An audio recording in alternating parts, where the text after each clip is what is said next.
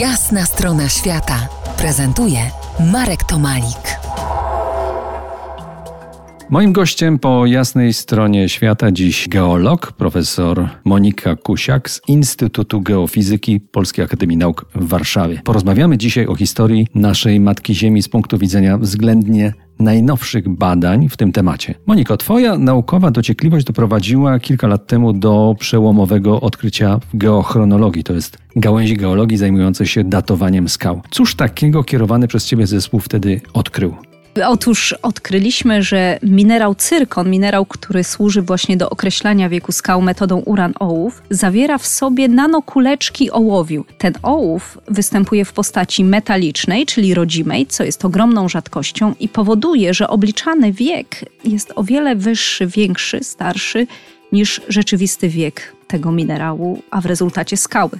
Metoda, która doprowadziła Was na trop tej geologicznej sensacji, dotyczy nieregularnego rozłożenia nanokuleczek ołowiu w cyrkonie. Dla niegeologów to jest niejasne. Spróbujmy tu wpuścić nieco światła. Zacznijmy od tego, że cyrkonia znana nam z biżuterii to nie to samo co cyrkon. E, no nie, nie. Cyrkonia z biżuterii to jest tlenek cyrkonu.